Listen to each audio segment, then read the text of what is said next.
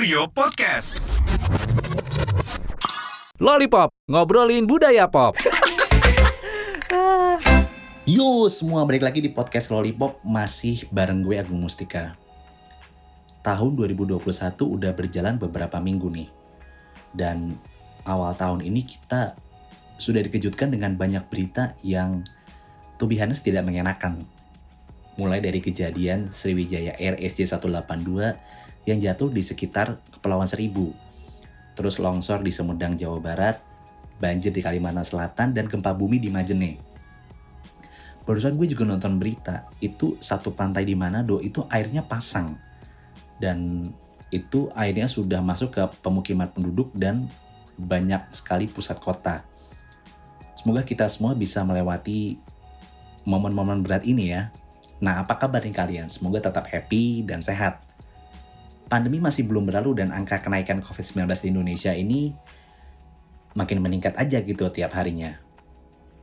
Kalau gue ngeliat angkanya, especially mulai dari minggu lalu ya, itu sehari penambahan kasusnya bisa nyentuh 10.000 kasus gitu. Huh, tetap jaga prokes ya teman-teman biar kita bisa sehat terus. Di Twitter lagi rame banget soal Kristen Grey. Jadi seorang WNA asal US yang bikin thread gitu ya di Twitter betapa murahnya biaya hidup di Indonesia. Gue nggak masalah sih dia mau muji Indonesia biaya hidup murah atau banyak spot Instagramable lainnya gue nggak masalah itu urusan dia.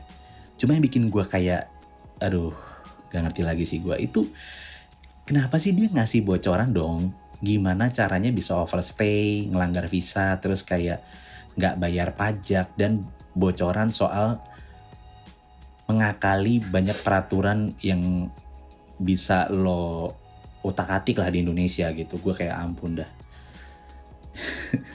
emang ya lu mau bule US, lu mau bule UK, kalau emang udah katro ya katro aja, nggak peduli lu dari mana gitu. Nah ngomong-ngomong soal pandemi, kita udah pernah bahas gitu, tren apa sih yang muncul saat pandemi di episode sebelumnya. Tapi ada satu yang kelewatan dan gue pengen banget bahas sekarang. Apa itu? Ya, tren staycation cuy. Staycation ini jadi favorit banget ya saat ini buat orang-orang yang pengen refreshing sejenak gitu. Gue baca di Kurio nih ada dari Tirto, itu ngebahas kalau wisata staycation ini jadi tren di masa pandemi COVID-19.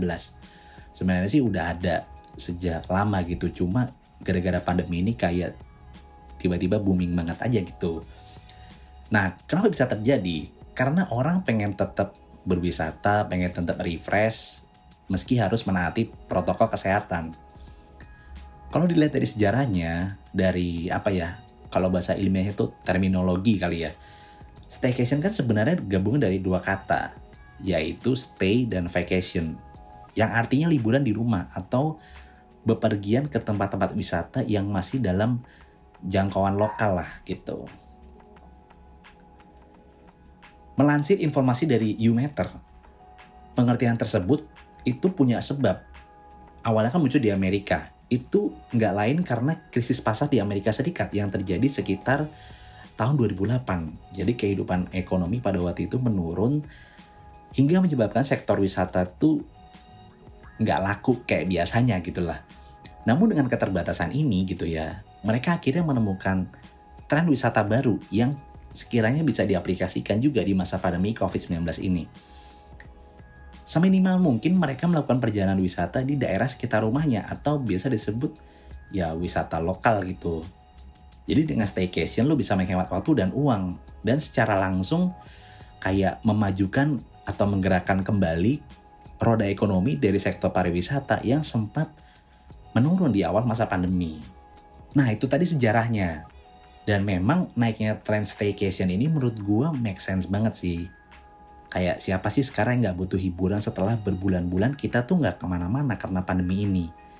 Iya memang untuk cara mendapat hiburan itu banyak banget. Dan salah satunya adalah dengan staycation.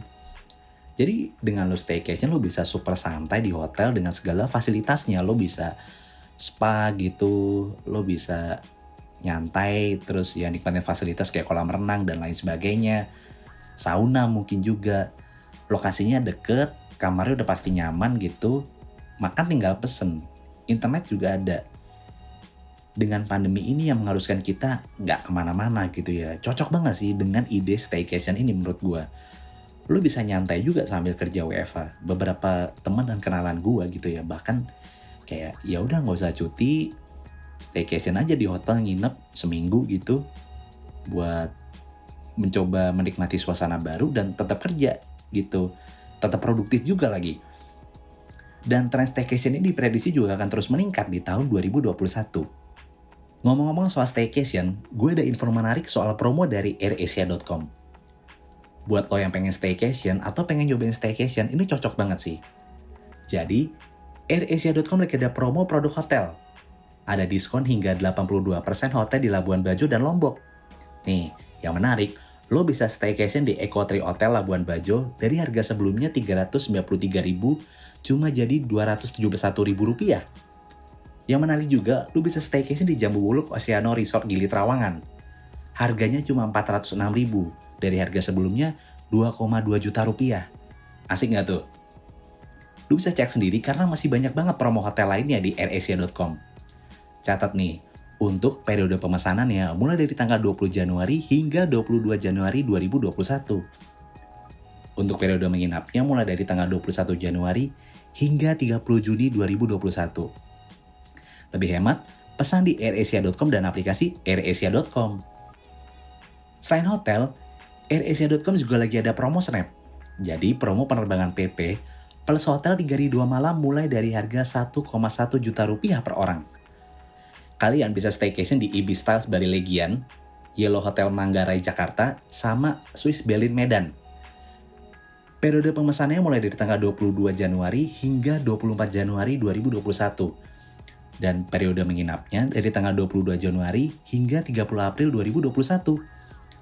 Lebih hemat, pesan di airasia.com dan aplikasi airasia.com. Terakhir nih, ada promo penerbangan untuk periode pemesanan 18 sampai 24 Januari 2021. Pas banget nih jadi pilihan untuk perjalanan hemat lo. Terbang dengan maskapai AirAsia mulai dari harga 472.000 Destinasinya ada ke Surabaya, Yogyakarta, Bandung, dan banyak banget destinasi menarik lokal lainnya. Lo bisa juga terbang dengan maskapai apa pun, mulai dari harga 574.000. Terbang dari Jakarta ke Banda Aceh, Samarinda, dan Manado. Periode pemesanannya mulai dari tanggal 18 hingga 24 Januari 2021. Dan periode terbangnya mulai dari tanggal 18 Januari hingga 30 Juni 2021. Lebih hemat pesan di airasia.com dan aplikasi airasia.com. Asik banget kan? Monggo nih, yang pengen staycation, pesan di airasia.com dan aplikasi airasia.com ya. Kapan lagi bisa staycation dengan harga terbaik? Oke, sekian dulu episode Lollipop kali ini. Kita ketemu lagi di minggu depan dengan bahasan yang menarik lainnya. Bye-bye.